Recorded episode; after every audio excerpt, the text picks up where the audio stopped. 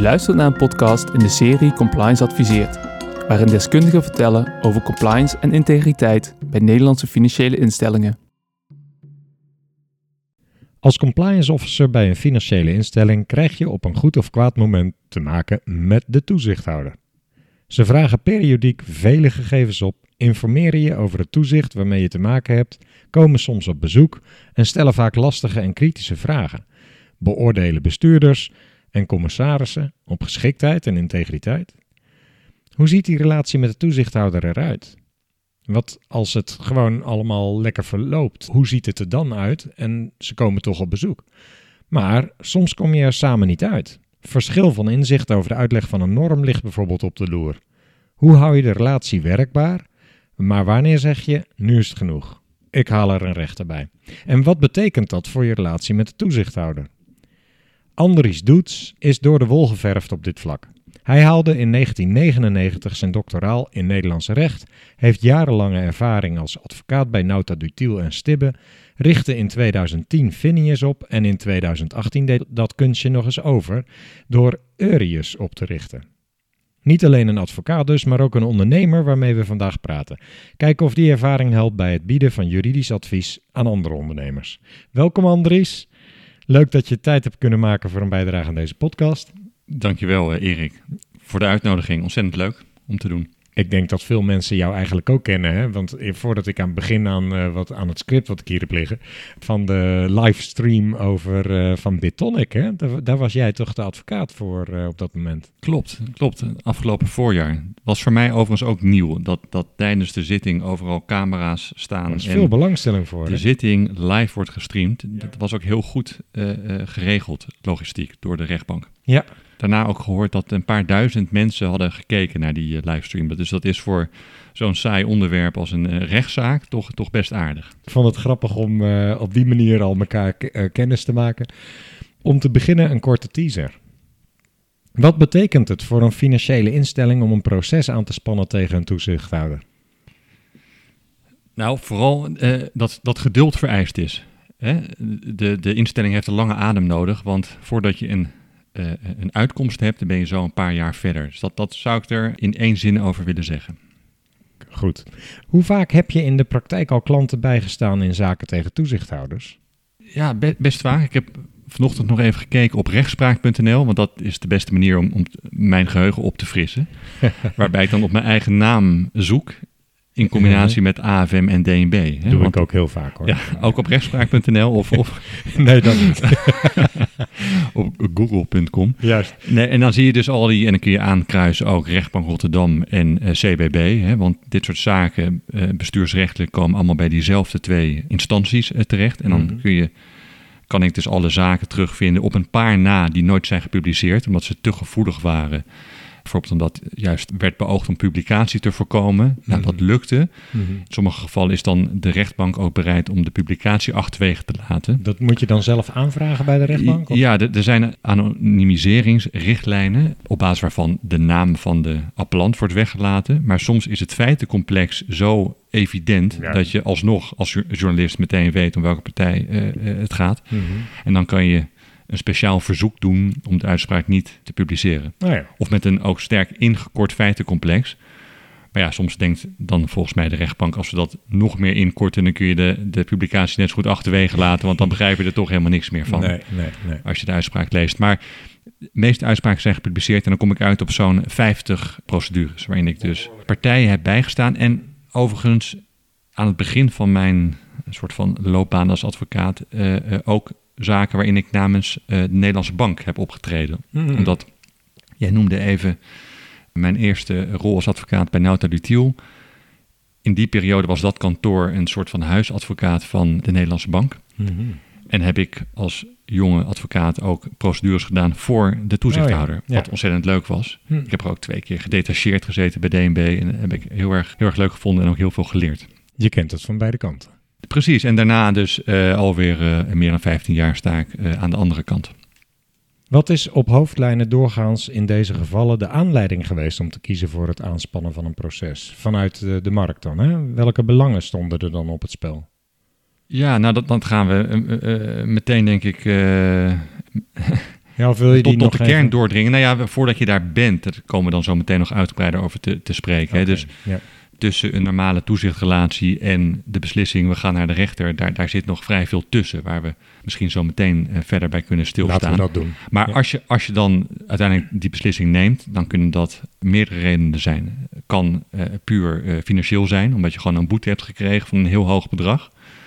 Waardoor je het eigenlijk je aandeelhouders verplicht bent om te proberen die boete van tafel te krijgen. Of in, in ieder geval lager te maken. Kan ook zijn reputatie, als bijvoorbeeld de toezichthouder van plan is om een eh, besluit te publiceren. Dat je zegt, ja, maar dat zou me zoveel pijn doen qua reputatie, dat, dat moet ik proberen te voorkomen. Maar vaak is het ook meer een lange termijn doelstelling om de eigen marktpositie te beschermen. Waar het gaat om de invulling door de toezichthouder van een open norm, waar je niet in kunt vinden. En waarvan je denkt, ik moet hier nu proberen om bepaalde grenzen te stellen. Anders dan gaat er een ontwikkeling optreden waar ik niet, waar mijn bedrijf niet bij gebaat is. Mhm. En in dat kader is dan ook het level playing field va- vaak een overweging. Om een voorbeeld te noemen, en die zaak kan ik ook noemen omdat daar gewoon publiciteit over is geweest. Ik heb een aantal jaar geleden heb ik Euronext mogen bijstaan in een procedure waarbij er nieuwe vergunningsvoorwaarden waren geïntroduceerd. Kapitaalsvereisten, Mhm. waardoor Euronext eh, veel meer, plat gezegd, geld moest aanhouden. Mhm. Wat haar op een achterstand zou zetten ten opzichte van de concurrenten binnen Europees Europa, of- ja, ja. Europees en zelfs eh, internationaal. Dus dat konden ze wel doen, maar ze dachten, ja, we moeten hier nu echt iets mee. We komen er niet eh, uit met de betreffende toezichthouder. Dat was daar overigens de minister van Financiën, die, die verleent de vergunning aan een gereglementeerde markt. Dus de rechter moet hier nu gewoon een uitspraak over doen. Laten we later in de podcast daar nog verder op inzoomen, inderdaad. Ja. We- Laten we beginnen met, wat is precies het juridisch kader waarbinnen toezichthouders opereren in Nederland? Kun je daar iets over vertellen? Ja, dan, dan, dan wordt het meteen juridisch. Hè? Je, je hebt dan denk ik een verschil tussen enerzijds het, het, het materiële recht en het procesrecht. Hè? Dus het materiële recht dat is verankerd in de WFT. Alle Europese verordeningen die van toepassing zijn, de lagere regels. Ja, dan heb je ook nog de pensioenwet, is de, de wet toezicht trustkantoren. Dus de andere wetten die relevant zijn voor financiële instellingen, afhankelijk van het type hè, waar, waar we het over hebben. Maar jij bedoelt denk ik met name het meer processuele kader. En, en, ja, en dat is in die end de Algemene Wet Bestuursrecht. Mhm. Want de AFM en DNB zijn bestuursorganen als bedoeld in die wet. Net als de gemeente of de provincie, Ja, eh et cetera. In de andere wetten die je zojuist noemde staat ook vermeld... deze partij heeft de rol als toezichthouder op deze wetgeving. Of, Ja, dat klopt. En Ja. sommige van die normen uit de AWB zijn ook nog eens een keer verankerd in de WFT. Maar als je kijkt naar de toezichtsbevoegdheden, wat mag DNB, AFM, eh, wat zijn de, de beginselen van behoorlijk bestuur? Mhm. Dat staat allemaal in de AWB, Klopt. Algemene Wet Bestuursrecht. Ja. En dan heb je ook nog de, de, de Europese verdragen, niet onbelangrijk. Waar het gaat om boetes is het Europees Verdrag voor de Rechten van de Mens eh, relevant. Je hebt ook het Europees Handvest ehm, en het Europees Verdrag. Daar staan ook allemaal beginselen in die van belang kunnen zijn eh, in het kader van een procedure tegen de Nederlandse toezichthouder. Wat is de algemene noemer van de bevoegdheden van de toezichthouders? Kun je iets zeggen over wat ze normaal gesproken mogen en wat ze niet mogen? Uitgangspunt binnen toezicht is dat de toezichthouder eigenlijk heel veel mag. Het is minder ingekaderd dan de bevoegdheden van een straf, strafrechtelijke autoriteit. Dus een, de politie, dat is allemaal uitgewerkt in de, het wetboek voor strafvordering. Dat is allemaal veel formeler. In sommige gevallen heb je toestemming nodig van de rechtercommissaris voor een, een doorzoeking, et cetera. Je hebt daar ook veel, je hebt daar als verdachte al meteen een zwijgrecht. Voordat bepaalde bevoegdheden moeten worden ingezet, moet er een verdenking zijn, dus een redelijk vermoeden van Ja. schuld. Dat Nou, is veel bij een toezichthouder als DNB ook niet het geval. Klopt. Dus, dus eh, eigenlijk is het uitgangspunt dat een toezichthouder eh, informatie kan opvragen.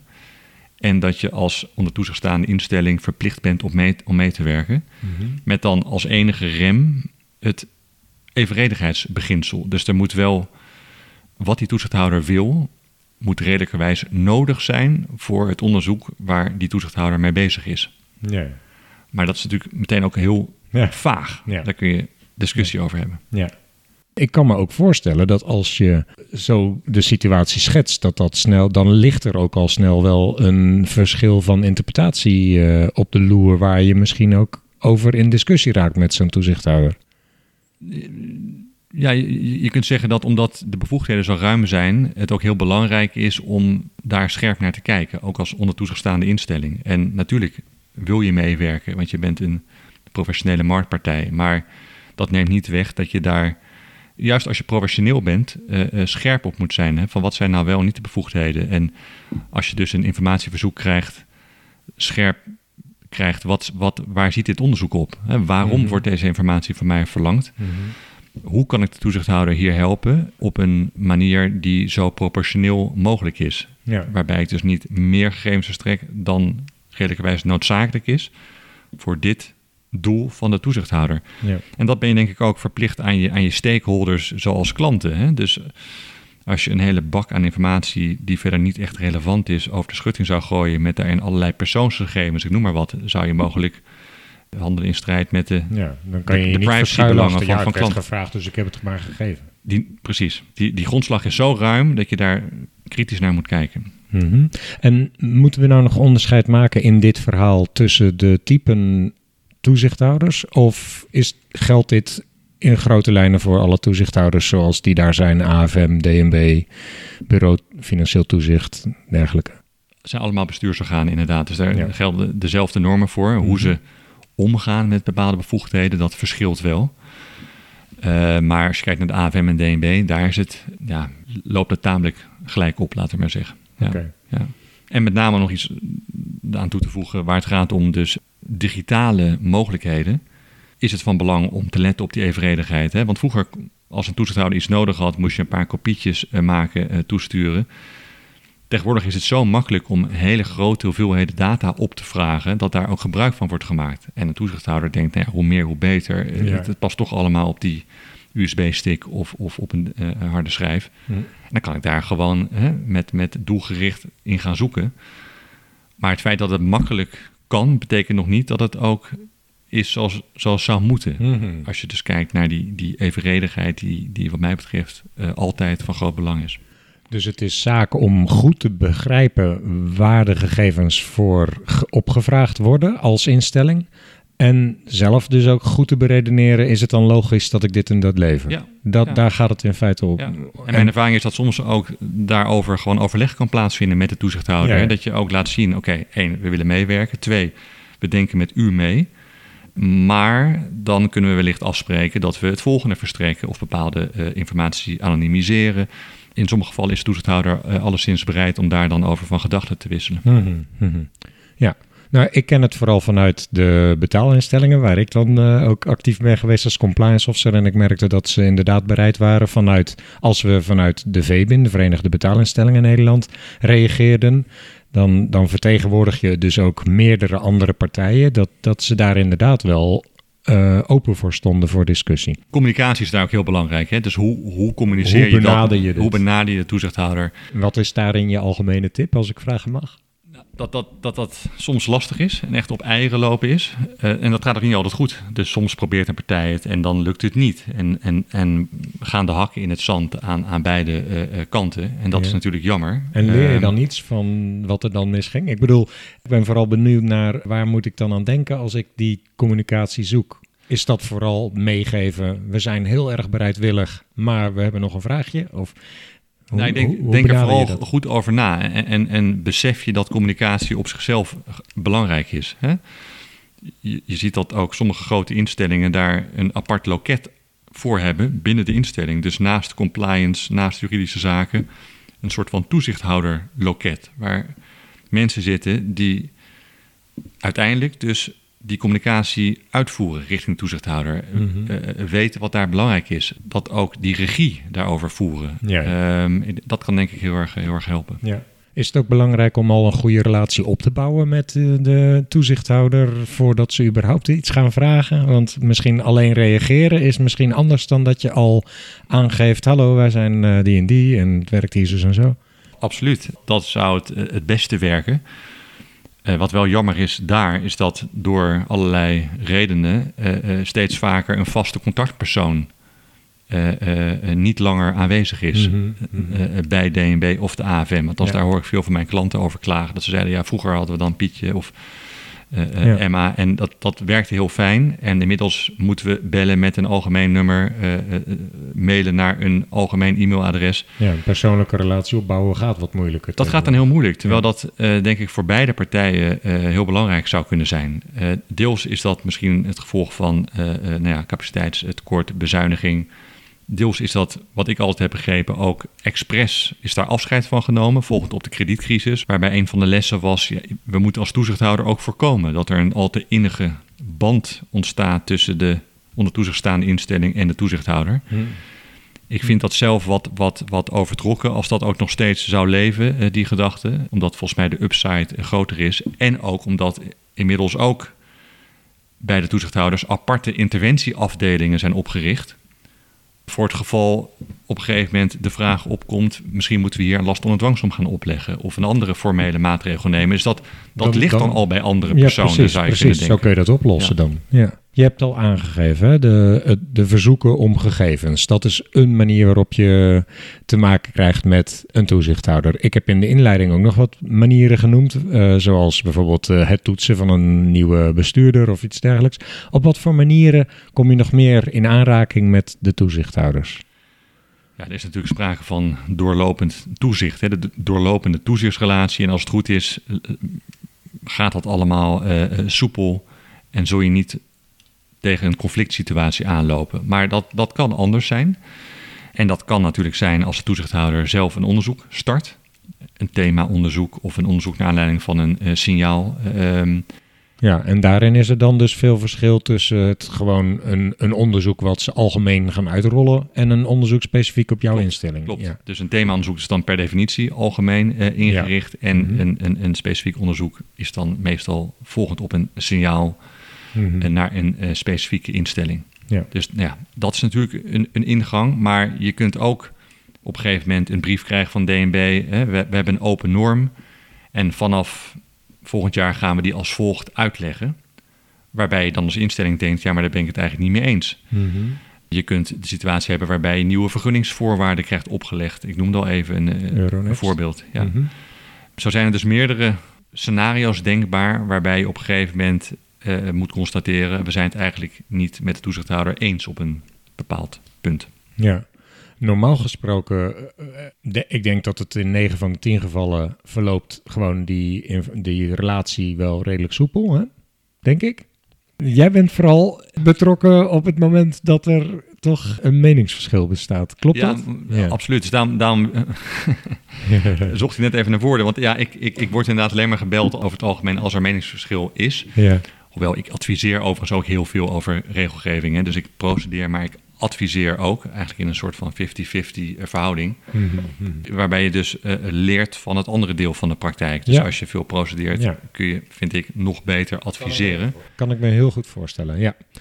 Voordat we de opname starten, hadden we het er ook nog over dat je misschien iets kon vertellen over de toezichthouder kondigt een bezoek aan en hoe bereid je je daar dan op voor? Ja, Want, en daarna wil ik dan graag ingaan op, nou, nu is er toch echt een meningsverschil, wat doe je dan? Maar eerst, de toezichthouder kondigt een bezoek aan. Hoe manage je dat als financiële instelling? Kun je daar kort iets over vertellen? ja, ja. Dus of, is dat materiaal voor een hele nieuwe podcast? eh, in in beginsel wel, maar we kunnen er eh, op Even stilstaan. snel doorheen. Over, Hoog op over. ja. Nou, ik zou het niet onderschatten. Ook al lijkt het in zo'n beginstadium allemaal nog heel onschuldig. Hè? Dus een, een themaonderzoek klinkt ook onschuldig. En ja, met een beetje geluk rooi je daar doorheen, is er niks aan de hand. Maar het zou kunnen dat het themaonderzoek dan twee jaar later leidt tot een boete voornemen of een boetebesluit van een half miljoen, twee miljoen. En dat kan je niet voorspellen, als het ware. Dus je moet het denk ik altijd heel serieus nemen. Maar je kan het toch voorspellen als je weet dat je alles goed doet? Ja, ja maar dat, dat, die, die fictie zou ik er meegaan als er eh, geen open normen zouden bestaan. Bijvoorbeeld Aha. in het, in het financieel eh, toezichtrecht. Daar zit hè. hem ook het risico dan dus. Ik denk het wel. Dat je Ja. binnen het financieel toezichtrecht zijn er allerlei normen waar, waarbij je nooit van tevoren precies weet hoe je die moet uitleggen. Nee. En waarbij dus een toezichthouder, als die scherp gaat kijken naar zo'n onderwerp, achteraf zou kunnen zeggen: nee, dat heb je toch onvoldoende gedaan. Nou, bijvoorbeeld transactiemonitoring. Mhm. Heb je dat nou wel of niet voldoende gedaan? Is het dan eigenlijk wel eerlijk voor financiële instellingen als je vooraf eigenlijk nooit zeker weet of je het wel goed genoeg gedaan hebt? Ja, dat, dat is een heel lastig punt. Toevallig vorige week een uitspraak in een zaak waarin ook, ik ook heb opgetreden als advocaat gemachtigde, waarbij de hoogste bestuursrechter, dus het CBB, het College van Beroep voor het, voor het Bedrijfsleven, een, een aantal boetes heeft vernietigd wegens strijd met het Lex Certa-beginsel. En dat is? Dat normen voldoende duidelijk moeten zijn, wil je later een Hm. boete eh, eh, kunnen opleggen. Hm. En een hele mooie uitspraak, waarbij de Nederlandse rechter ook verwijst naar jurisprudentie van het Europees Hof voor de Rechten van de Mens. Want het gaat hier om bestraffing. Hè? Dus of je nou strafrechtelijk wordt veroordeeld of een bestuurlijke boete krijgt. Dat zijn allebei punitieve sancties. En uit de jurisprudentie volgt plat gezegd dat bestraffing nooit arbitrair mag zijn. Ook, ook niet voor een zakelijke partij Nee, dus. dus, ri- risicoaansprakelijkheid wordt eigenlijk niet geaccepteerd, ook niet in de zakelijke context. Dus er Nee. moet altijd een verwijt kunnen worden gemaakt in zekere zin. Ja, Dat kan ook zijn dat je je onvoldoende hebt ingelezen. Hè? Dus, dus als je. maar had ik dan misschien toch een klein beetje een punt? Dat ik zei van, je weet toch dat je het goed gedaan hebt. Maar je, toen zei jij, ja, open normen. In sommige gevallen kun je, ook als je heel goed inleest en, en de beste compliance mensen om je heen verzamelt, kun je toch niet voorspellen hoe je een bepaalde norm zou moeten eh, uitleggen. En, en daar speelt natuurlijk ook de benefit of hindsight een belangrijke rol. Hè? Wat, wat ik vaak Ja. zie in de praktijk is dat dan DNB dat destijds ook niet had kunnen voorspellen. Hm. Maar dat onderzoek komt dan op twee jaar later.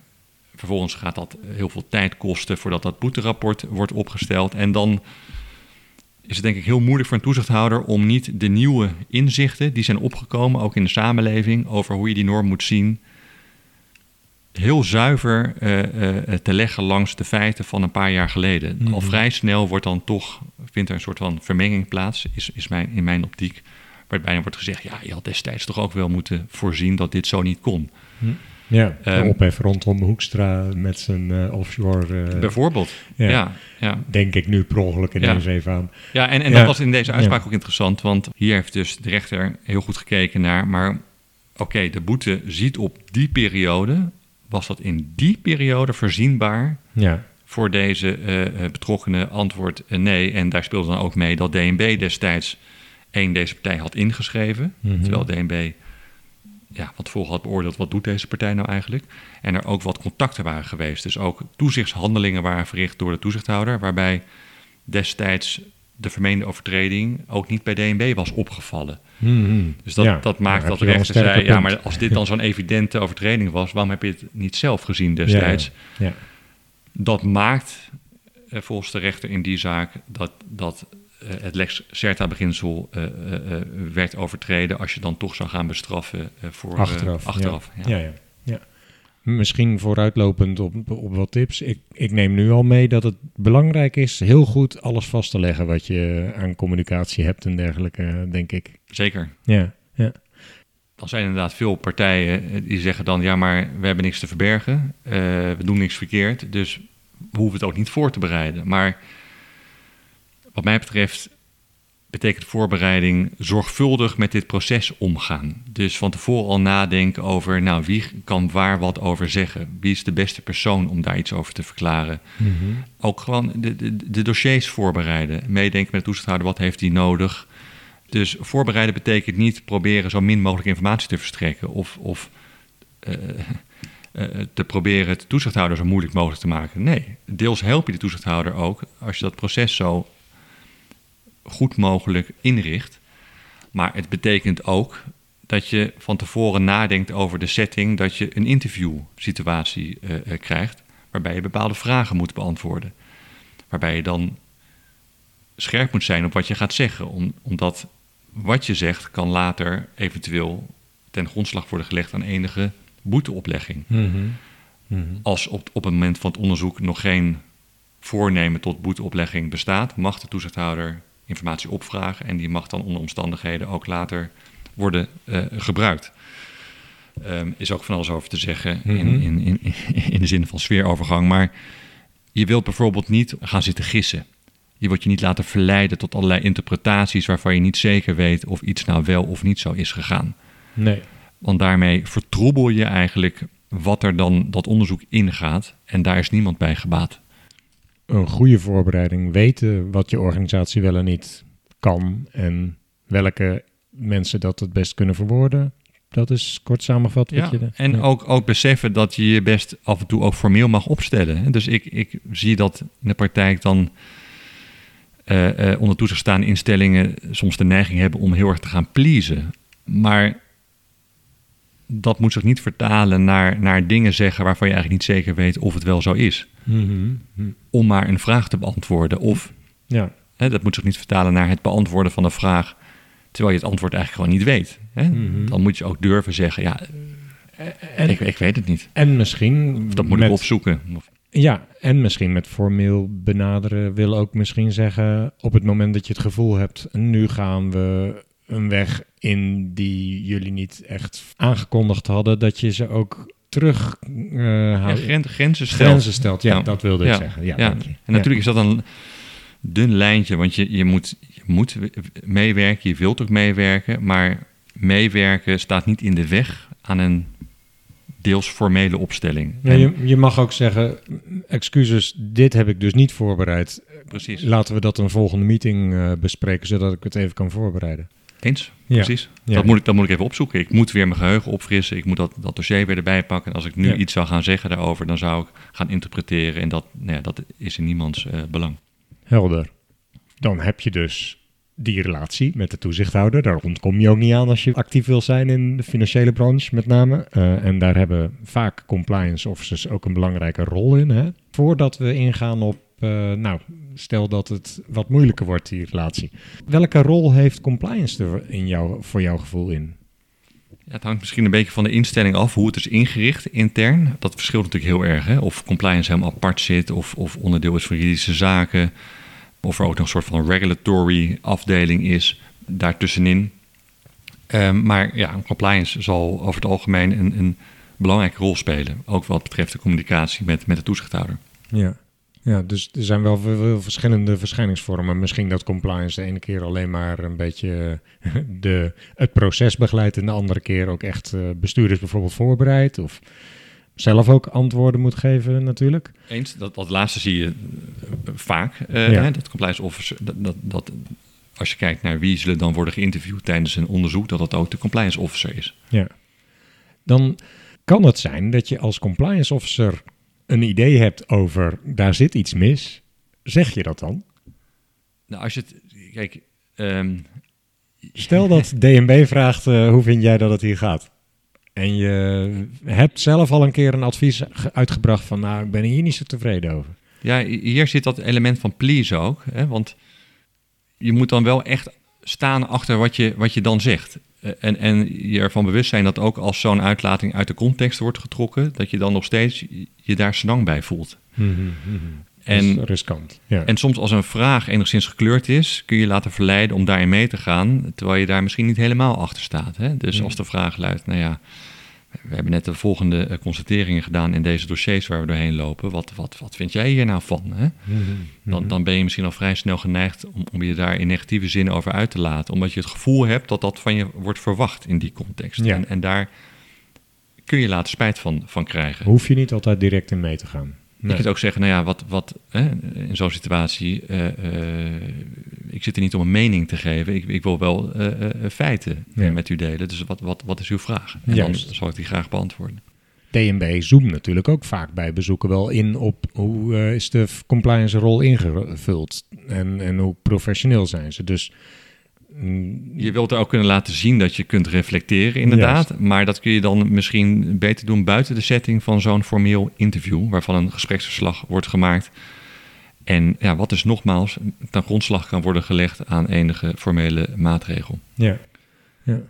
En, en ben je dan vertegenwoordiger van de organisatie, de financiële instelling waarvoor je werkt? Of ben je eigenlijk de externe die eh, ook meehelpt om, te- om een goed beeld te geven van hoe het ervoor staat? Als, als compliance officer. Juist. Ja, dat, ja, dat zijn interessante vragen. Ik denk dat in het kader van zo'n onderzoek je daar zit primair als onderdeel van de organisatie waar het, waar het onderzoek naar wordt gedaan. En je daar dus DNB moet vertellen over de, de feiten en omstandigheden. waar dat onderzoek op ziet. Ja. Maar, maar nogmaals, daar, daar is wat, wat mij betreft primair geen ruimte voor meningen.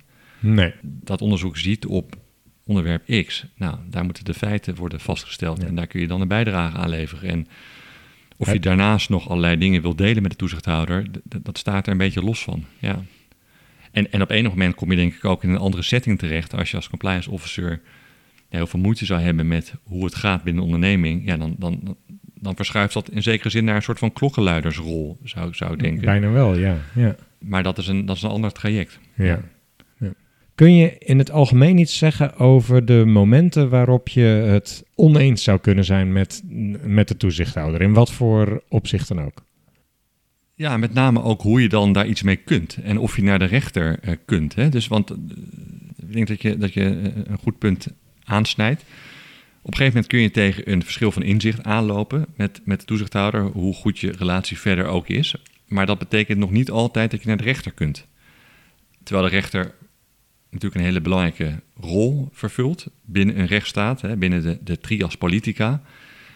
Zeker waar toezichthouders bewust de grenzen van de wet opzoeken of daar soms ook bewust overheen gaan. Hè. Kun je dan niet naar een rechter stappen? Niet altijd. Ehm, Kun je aangeven wanneer wel en niet? ja, nee, en, en nog even een voorbeeld. Dus onlangs, eh, de, de voormalige bestuursvoorzitter van de AFM heeft, heeft onlangs een boek gepubliceerd waarin ze ook bevestigt Oh hè, Ja. dat de dat ze AFM, vaak zelf niet wisten waar ze... eh, en dus maar een proces begonnen, toch? zelfs als de AFM wist, nou ja, misschien is dit net over de grens heen van wat nog binnen deze norm valt. Maar dan hebben we in ieder geval een uitspraak van een rechter. Dat moeten we verkennen. Hè? En dat Ja. eerder, eh, een eerder boekje van Theodor Kokkelkoren zelfde eh, eh, boodschap toen hij wegging bij, bij de AFM. Dus dat lijkt toch wel een soort van bestendige lijn te zijn. En dat, dat maakt dan ook, wat mij betreft, dat het ja, onvermijdelijk is voor instellingen om af en toe daar tegenin te gaan. Want als de toezichthouder dit gewoon ja, Aans- toe- op, toegeeft daarop en aanstuurt. daarover ja. ook gewoon heel eerlijk is, dat doen wij. Nou ja, dan, dan, dan moet je ook van de andere kant daar af en toe tegenin gaan en naar de rechter gaan om te kijken waar ligt dan die juridische grens volgens degene die daar uiteindelijk over gaat, namelijk de rechter. Ja. Alleen dat is dus soms moeilijk, omdat wil je naar de bestuursrechter eh, kunnen, moet sprake zijn van een bestuursbesluit. Dan zitten we weer in die algemene wet bestuursrecht, Aha, waar ik eerder over, over had.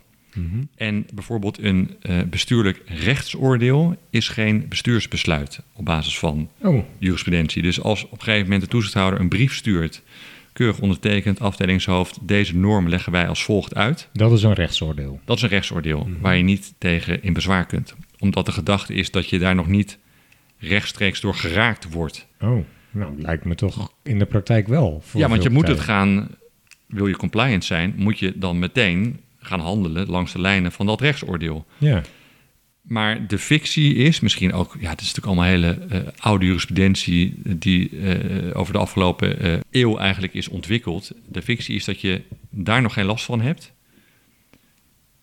En je pas kunt opkomen tegen de boete of de aanwijzing of de last onder dwangsom die zou worden opgelegd als je besluit om niet te voldoen aan Hmm. die uitleg.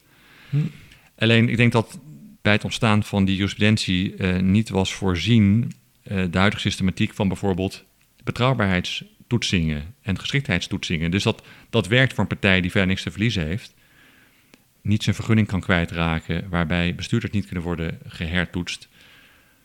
Want als dat wel zo is, dan kan je natuurlijk niet zonder risico maar zeggen tegen een toezichthouder: Nou, kom maar op met dat besluit en dan gaan we daar tegen procederen. Je hebt het nu over het besluit over een bestuurder een- bij een nou ja, het, het grijpt in elkaar. Want, want je kunt dus niet te gemakkelijk zeggen: we gaan een besluit uitlokken, een handhavingsbesluit, om daar tegen op te kunnen komen bij de bestuursrechter. Want dat heeft allerlei nadelige gevolgen. Mhm, ja. In de sfeer van dat dat een antecedent is. ja. Een ja. kruisje achternaam van de bestuurders. Maar En überhaupt ook- en- wil je. En je reputatie. En je natuurlijk. reputatie. Wilt als moderne eh, eh, eh, onderneming wil je natuurlijk niet willen ze wetens handelen in, in strijd met wat de toezichthouder graag van je ziet. Dus je zegt eigenlijk eh, de manieren om te ageren tegen de toezichthouder, die zijn best wel beperkt. Die zijn soms dus heel wat- beperkt. Dus in Ja. zo'n situatie zit je een beetje vast. En dan kun je eigenlijk alleen maar naar de civiele rechter. Maar die heeft weer geen verstand van eh, financieel toezichtrecht. Daar kan ik nog veel meer over zeggen, maar dat is dus gewoon een lastige route. Mhm, mhm. Dus dat, dat, dat is lastig. En nou ja, dit dilemma zie je eh, eh, in een andere context ook terug bij die bestuurderstoetsingen die jij net noemde. Daar zie je dat een negatief oordeel, dus stel hertoetsing van een zittende bestuurder, dan wordt het negatieve oordeel eerst informeel teruggekoppeld door middel van een telefoontje aan de onderneming en de betrokken bestuurder. Ja, En in de meeste gevallen wordt die bestuurder er gewoon. ofwel uitgewerkt omdat nou ja, de onderneming zegt, ja, hoe vervelend voor je, maar wij moeten nog door met deze toezichthouder. Of de bestuurder zelf trekt zich terug. En dan komt er dus nooit iets op papier te staan waar je tegen kunt opkomen. Hm. Laatste voorbeeld, een, een waarschuwingsbrief. Dus een informele handhavingsmaatregel waarin staat, u hebt art- artikel zus en zo overtreden. Niet nog een keer doen, was getekend eh, de toezichthouder. Dat is ook een antecedent voor alle zittende bestuurders en ehm, eh, commissarissen. Maar je kunt er niet tegen opkomen. Wat je wel kunt doen, is daarop reageren. Dan hebben we het over dossiervorming. Eh, met het verzoek aan DNB om die reactie toe te voegen aan hun dossier.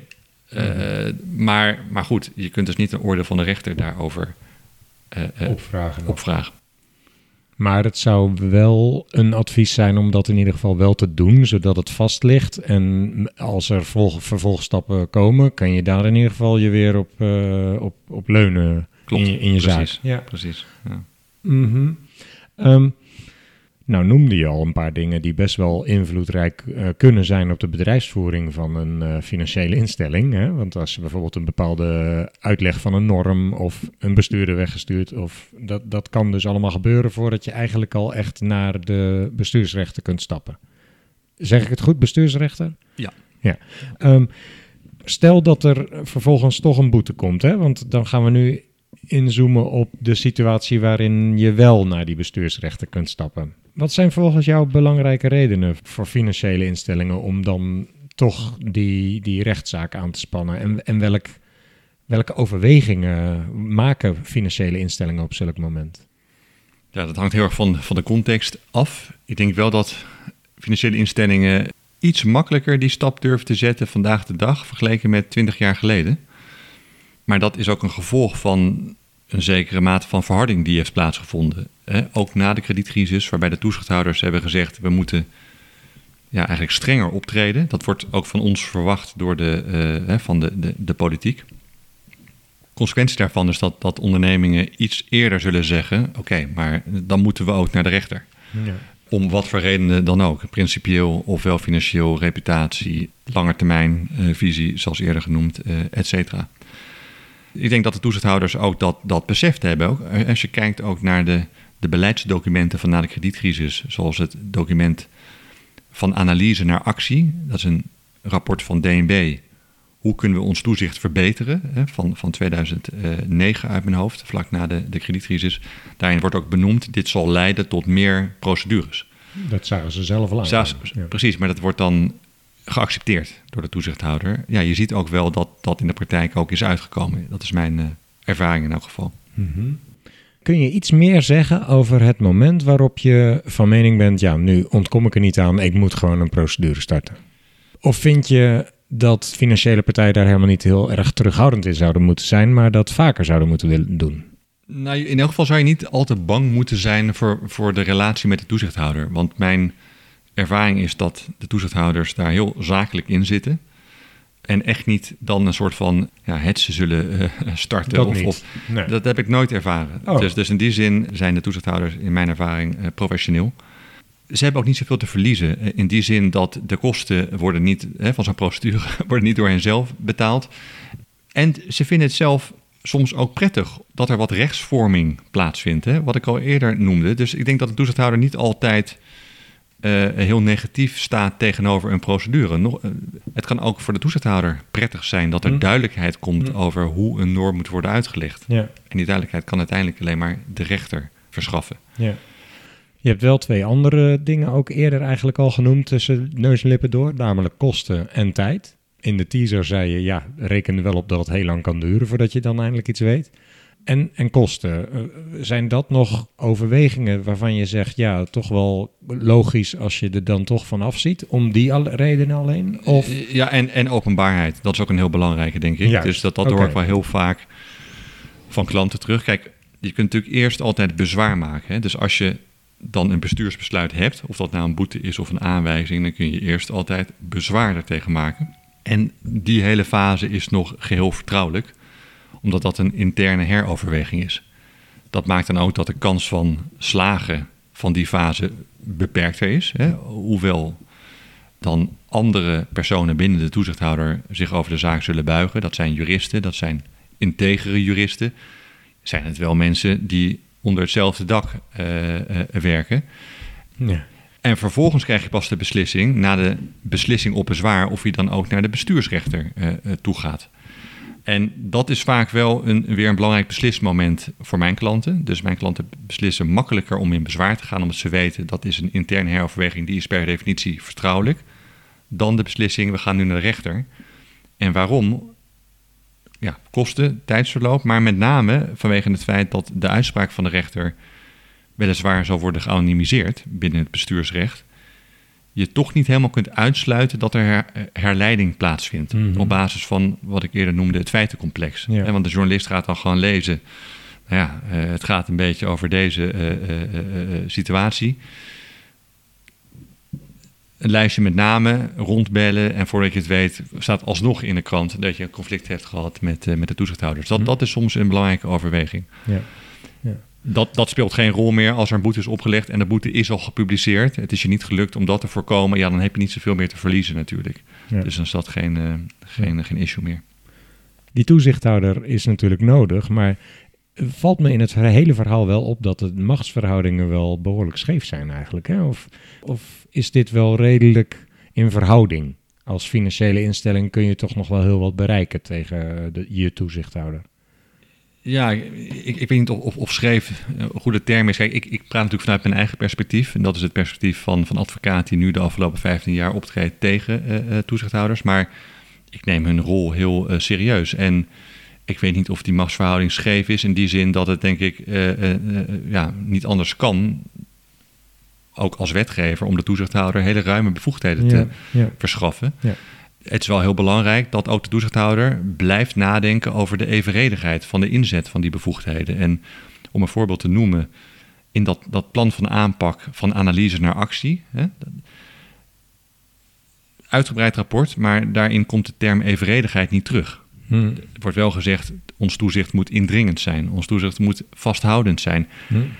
Wat ik daar mis, is ook een soort van noodzakelijke bestaansvoorwaarde. Ons toezicht moet altijd fair zijn en evenredig. Dus wat ik graag zou zien bij de toezichthouders, ook als je kijkt naar toon de top, toon de top en, en, en bedrijfscultuur, is jongens, we moeten ontzettend streng zijn. Maar dat gaat altijd gepaard met fair en evenredig toezicht. Dus volgens mij moet je die twee boodschappen altijd gezamenlijk brengen, als het ware. Want, want ja, de, de, jonge mensen die gaan werken bij de AFM en DNB, die zijn ambitieus. Die, die willen werken aan een, aan een nou ja, meer solide of een meer transparant financieel stelsel. Dat zijn alle, allemaal natuurlijk ontzettend lovenswaardige doelen. Maar ze moeten ook eh, beseffen dat, dat die bevoegdheden die ze hebben heel ruim zijn. Waardoor ze daar altijd ontzettend zorgvuldig mee moeten omgaan. Nou, dat, dat, dat, in de meeste gevallen gebeurt dat ook natuurlijk prima, maar daar kan niet genoeg aandacht voor zijn. Uh, laat, ik het zo uh, formuleren. Je hebt al iets gezegd over het buiten de rechtbank oplossen van geschillen. Zijn er nog aanvullingen daarop? Want op het moment dat je ze gewoon rechtstreeks benadert, kom je er misschien al samen uit? Hm? Ja, dat goed punt. En dat, dat valt tegen. Je, je, je, ziet in de praktijk toch wel dat er een, als op een gegeven moment de, de, de hakken in het, in het zand zijn uh, gezet, dan ontstaat er een zekere kloof. Is, en dan is het nog heel moeilijk om tot een soort van buitengerechtelijke oplossing te komen. Hm. En daar ligt wat mij betreft uh, uh, een, een, onontgonnen terrein waar we met z'n allen meer mee zouden moeten kunnen. De enige gevallen waarin ik heb gezien dat wel een schikking mogelijk was, dat was dan als de rechter tijdens de zitting partijen de gang opstuurde. En zei, nou, maar DNB of AFM, ik heb net het volgende gehoord. Nou, dan ook streng toesprak de betreffende partij. Ja, maar de toezichthouder heeft hier toch ook een, een punt. Ik zou uitspraak kunnen doen, maar volgens mij kunnen jullie er zelf uitkomen als jullie nu gewoon op de gang. Uh, uh, en jullie komen terug als je eruit bent. In zekere zin wel. Dus, dat heb ik een paar keer meegemaakt, vooral in, in de sfeer van een voorlopige voorziening. En dan bleek er opeens toch best wel mogelijk te zijn. Wat, wat jammer is, is dat dat niet eigenlijk in een eerder stadium kan. Want dat zou heel veel kosten en tijd besparen. Hm. Ik, ik weet dat bij de AFM en DNB men zelf erover aan het nadenken is, mediation, maar ook de mogelijkheid om tot een schikking te komen, bijvoorbeeld over een boete. Als marktpartij zegt, ik ben het niet met die boete eens. Uh, we kunnen jarenlang gaan procederen, maar als je nou die boete iets, halve, uh, iets, iets matigt, dan kunnen we ons er wel bij neerleggen. Je zou daar dus een schikking kunnen treffen. Mm -hmm. Daar wordt over nagedacht, maar het heeft nog steeds niet geleid tot enige concrete... In de praktijk, in de praktijk nee. Dus, dus uh, ik zou graag aanschuiven uh, in een soort van uh, breder uh, overleg, waar dan ook advocaten aan deelnemen die veel procederen tegen de toezichthouder, om verder na te denken wat is hier mogelijk. Ja. in, in sommige andere landen kan het, kan het wel, hè? dus ja. daar, daar valt nog winst te boeken.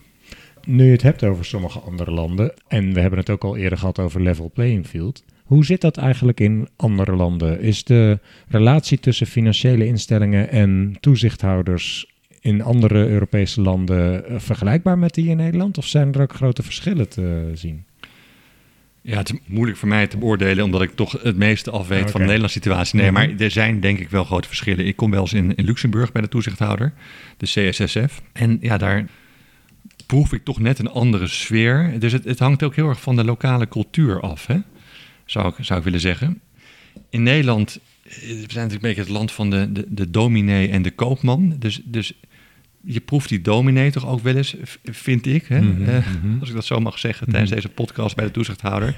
er zit soms een moralistisch uh, tintje aan de opstelling van de toezichthouder. van de klas willen zijn.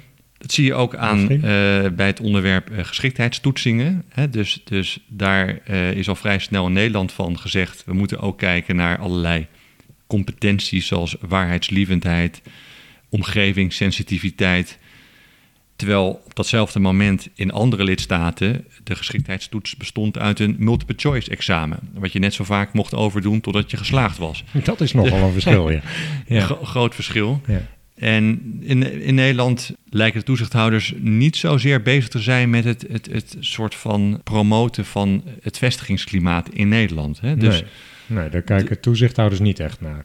Nee, en, en sommige andere lidstaten wel. Kijk, daar zijn ook excessen. Hè? Dus er zijn bepaalde lidstaten waar de vergunning als het ware uh, wordt toegeschreven. Ja. Je wordt toegeschoven. Uh, Maak 5000 nou, euro over en je Precies, en je krijgt hem. Dus dat is natuurlijk waar je ook niet wilt zijn. Maar er zou wel een balans kunnen zijn waarbij de, de, de, de basishouding positief is. Net wat positiever misschien dan wat ik soms in Nederland zie. En je vervolgens heel streng bent. Ja. Maar dat heeft ook met capaciteit te maken. Dus ik denk dat zowel de AFM en DNB, eh, misschien ook door Brexit, maar de afgelopen periode het gewoon ontzettend druk heeft. Mhm. Waardoor ze ook dan moeite hebben om zo'n uitnodigende houding waar te maken in de praktijk. Omdat ze gewoon ja, over, overlopen qua, uh, qua, qua werk. Maar wil je een professioneel toezichthouder zijn, dan moet je hier ook goed naar kijken, wat mij betreft. Mijn vorige podcast was met Carolyn Gardner van de European Banking Authority. Dat is een organisatie vanuit Europa die zorgt dat toezichthouders in alle landen ongeveer op dezelfde manier eh, wetten interpreteren en zo. Merk je daar nou ook nog eh, invloed van? Zeker, maar dat, is nog heel erg in beweging. Dat is nog niet helemaal neergedaald, dat stof. Wat, wat mij betreft is het nog heel nieuw dat die European Supervisory Authorities zo snel aan, die, aan een opmars bezig zijn. Hè? Want we hadden natuurlijk de ECB, maar inmiddels is, uh, zijn de bevoegdheden van, van EBA, maar ook uh, de andere, ESMA, ESMA EIOPA, EIOPA ja. die zijn heel snel enorm uitgebreid. En mijn indruk is dat, dat en ieder daar nog aan moet wennen, ook de, de nationale toezichthouders. Ja. Waarbij die laatste dan toch soms ook nog wel vrij koppig vasthouden aan hun eigen bevoegdheden. Als je bijvoorbeeld kijkt naar nou, dan weer het onderwerp geschiktheid. Daar is nog steeds een Nederlandse beleidsregelgeschiktheid. Je zou ook kunnen zeggen, die, hè, omdat er nu inmiddels guidelines zijn op Europees niveau, dan kunnen we grotendeels die Nederlandse beleidsregel gewoon ja. verscheuren als het ware. Mhm. Maar nee, dan, dan houdt de Nederlandse toeschouwer toch graag vast aan de eigen stokpaardjes en de eigen competentie. En dat, dat maakt het speelveld voor financiële instellingen wel lastiger. Het, omdat het daardoor een soort van lappendeken wordt. En ook voor mij als advocaat wordt het steeds Ja, lastiger om ja. al die bronnen te blijven volgen. Dat hè. is Dus bijna, je bent een dagtaak eh, heb je om alles te lezen wat er van al er die komt steeds meer verschillende bij, omdat het steeds gelaagder wordt. Eh, waarbij je dan ook nog eens een keer met verordeningen die rechtstreekse werking hebben tegenwoordig eh, te maken hebt. Maar Ehm, is dat al bron van nieuwe rechtszaken? Dat je bijvoorbeeld zegt, ja, onze toezichthouder legt het zo uit, maar ik heb toch echt bij IBE gezien dat ze het zo uitleggen. En Dat, dat zal steeds meer eh, terugkomen. Ja. Het wordt nog vaak wel over het hoofd gezien. Hè? Ook als daar valt veel te halen. ja, dat, dat, de- dat lijkt de- mij ook. Ik hoor het nog niet zo vaak namelijk ook. Nee. Dat is wel een soort van speerpunt binnen mijn praktijk. Dus ook de, de, de naam van mijn huidige advocatenkantoor staat ook voor Ur van, van Europa en, Ja, ja. en Jus Ja. voor, voor, voor recht. Omdat dat steeds belangrijker wordt. Ik hoor nog wel eens ju- juristen, advocaten, dan, dan gaat het over de implementatie van een Europese richtlijn. En er wordt gezegd, ja, nee, maar dan moet je het toch anders zien. Kijk in de memorie van toelichting. Maar dat is eigenlijk een hele rare manier van denken. Want dat is dus een nationale memorie van toelichting. En als je er als Nederlandse wetgever naast zit, dan moet je dus een stapje hoger en kijken. Nee, maar wat heeft nou de, de Europese regelgever beoogd? En hoe kijkt het Europese Hof van Justitie eh daar tegenaan? En dan, dan kom je soms tot een heel andere uitkomst. Want als jurist kan ik jou wel vragen, toch? Die, die Europese wetgeving gaat boven de lokale Klopt. wetgeving. Klopt. en uiteindelijk is het dus de, de rechter in Luxemburg die het laatste woord heeft, ook ten Ja. opzichte van de, Ja. De Nederlandse rechters. Is er Eh, ook al een mogelijkheid om een, niet in Nederland dan de rechter aan te spreken, maar al op Europees niveau te beginnen? Of moet het eerst in Nederland en kun je dan eventueel, als je niet tevreden bent, ook naar Europa gaan of zo? Hoe, Ja, dat, dat laatste en dan nog wat omslachtiger eigenlijk. Je kunt niet je rechtstreeks wenden tot die hoogste Europese rechter. Je kunt alleen maar de Nederlandse rechter vragen om een prejudiciële vraag te Ja. sturen aan de Europese rechter. Ja, ja. En dan moet je hopen dat die Nederlandse rechter dat doet. En als hij dat niet doet, moet hij motiveren waarom hij denkt dat dat niet nodig is. ja. En daar is ook wel veel over te- doen. Dus, dus er is in zekere zin een soort van verplichting om die vragen te stellen, tenzij de Nederlandse norm, of de norm zoals die in Nederland wordt uitgelegd met Europese grondslag, evident is, helder. Mhm. Noemen ze dan een, een, een, een acte clair of een act, een acte éclairé, naar, naar, naar goed Frans. Mhm. Ja, je ziet toch dat dat Europese eh, bouwwerk daar niet overal helemaal eh, soepeltjes loopt. Want soms zie je ook dat een rechter zegt, dat doe ik niet, want het is mij wel duidelijk, terwijl dat evident eigenlijk ja, niet zo kan zijn. Nou ja, we zien natuurlijk in bepaalde lidstaten nu überhaupt de, de, de positie van dat Ja, Polen. eh Europees Hof ter discussie wordt gesteld. Terwijl tegelijkertijd de regelgeving steeds meer uit Brussel komt op het gebied van financieel toezicht. Ja. Je zou ook verwachten dat je daar dan ook bezwaar kan leggen. Ja, Ja. ja. en, en zeker nu ook steeds meer regelgeving in de vorm van verordeningen wordt vastgesteld. Waarbij je niet eens meer op nationaal niveau de mogelijkheid hebt Nee. om dat net even anders te implementeren. Ja. Maar dat Dan- biedt wel meer rechtszekerheid, lijkt me. In zekere zin wel, waar het niet dat in die verordening dan over allerlei open normen zijn terug te vinden. Ja, ja. Waarbij dus nog belangrijker is dat uiteindelijk op centraal-Europees niveau wordt besloten hoe moet je dat uitleggen. Ja. Oh, dat maakt het complex, ja. Ja. Ja, en, en interessant dat in veel van die guidance van de ESA staat vaak ook, eh, dan in de inleiding, let op, nationale toezichthouders, u moet deze guidance gaan toepassen, tenzij er een goede reden voor is om dat niet te doen. Dus een soort van compl- eh, comply or eh, explain. Dus daar, daar heb ik wel in verschillende dossiers ook op gewezen. Van, nou ja, ik begrijp wel uw overwegingen, AVM, DNB, om het net anders te zien, maar eigenlijk Heb je bent u inmiddels gepasseerd. Dus die, die Ja. tijden zijn gepasseerd. Inmiddels als een van de ESA's iets anders eh, vindt, ja, dan heb je je daar maar aan te committeren binnen Europa. Mm, Ook dus iets zelf alert op te zijn als compliance officer Absoluut, ook. Als absoluut. je dit dus meemaakt. Ja. En, en eh, wat, wat dat betreft, eh, als je een, een verschil van inzicht hebt over een open norm, of je wilt weten hoe een open norm wordt uitgelegd, dan is nog vaak de reflex, we moeten een rijkwijdvraag stellen aan DNB. Hè? Maar misschien moet je nu wel meteen met die rijkwijdvraag naar EBA. Ja. Eh, bijvoorbeeld ja, in, in de betaaldienstverleningshoek eh, de, de beperkt gebruik uitzondering. ja, ja. Eh, daar kun je over naar DNB, maar ja, eigenlijk die hebben het helemaal niet meer voor het zeggen op dat vlak. op dat vlak. En nu zie je ook dat, dat EBA op dit gebied, op dit onderwerp, dan een hele concept uitleg aan het consulteren is, et cetera. En dat, dat, dat is dus een voorbeeld van die verschuiving die nog steeds gaande is. Ja. Waarbij het nog eigenlijk en-en is, in plaats van meer verschuiving naar alleen maar Europees niveau. Dus het wordt in de end eigenlijk alleen maar meer. Nou, Andries, ik, ik denk het wordt alleen maar meer. Dat lijkt me een fantastische afsluiting eigenlijk. Wat, maar toch, heb jij nog iets toe te voegen? Hebben we nog iets niet besproken wat je wilde vertellen? Wat, wat van belang is voor de luisteraar? Ja, dan moet ik zelf ook weer terugdenken aan het onderwerp hè, eh, van deze podcast. Dus de relatie met de toezichthouder. Ik denk over en weer begrip is daarin heel belangrijk. Hè? Dus, dus het begrip voor de, de uitdagende eh, taak van de toezichthouder. En de andere kant op uh, mag de toezichthouder ook begrip hebben voor de, de moeilijkheden waar een markt, marktpartij zich mee uh, geconfronteerd ziet. En de, de mogelijkheden en ook onmogelijkheden in bepaalde situaties. Maar, maar daar zou geen kloof moeten ontstaan. Hè? Dus ik denk dat die altijd partijen daar in gesprek moeten blijven zonder wantrouwen over en weer. Daar, daar zou uh, een ieder profijt bij hebben. Ja. De praktijk is nu dus wel dat er vaak wel zo'n soort kloof is. Dus je hebt of zorg dat die relatie goed is. En als dat eenmaal misloopt, kom je al snel in de richting van een, uh, van een proces. Tenzij de, de, de, de betreffende partij zich daarbij neerlegt. Ja, uh, ja dat kan natuurlijk ook. uh, maar, maar het gaat natuurlijk in heel veel gevallen ook, ook goed. Hè? Dus ik wil niet daar ja. te negatief over klinken. Interessant is in elk geval dat wat betreft de kloof die je fysiek ervaart als je binnenstapt bij de toezichthouder. Bij DNB, de mannen met uh, pistolen en geweren op enig moment verleden tijd zullen zijn, omdat het goud daar weg, niet meer ligt. Daar niet meer ligt. Nee, ja, dat, dat, dat, dat, is wel grappig. Ja. Misschien meer in de sfeer van anekdote, maar als je dan ook als advocaat naar een zienswijzezitting ging en je moest eerst door al die beveiligingsmaatregelen heen, ja, dan, dan dat, dat voelt niet als een hele soort van open setting. Nee. En nu zie je de tijdelijke locatie van DNB, uh, waar dat niet meer zo is, daar, daar kom ik anders binnen, voor mijn gevoel. Hm. Er zit ja. een mevrouw die zegt, nou, welkom. Ja. En uh, nou, u wordt zo meteen opgehaald. En dat, dat, nou ja, dan hebben we het al over ja, het verkleinen van die kloof op een hele, in een hele materiële zin. Ja, was een bijzondere ervaring altijd als je helemaal door dat luchthavencontroles moest uh, bij DNB. Als je eenmaal dan door dat gangetje was gelopen en je werd achter neergezet, dan dat voelde heel het even, oh ja, was het toch wel weer... Uh, ja.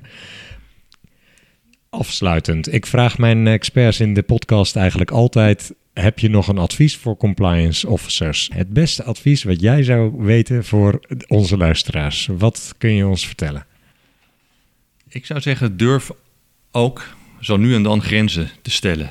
En blijf kritisch nadenken.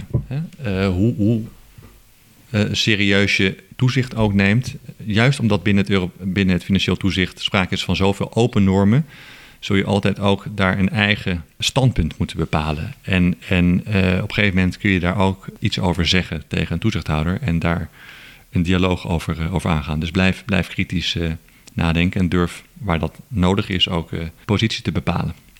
Duidelijk. En na deze podcast begrijp ik dat advies ook beter.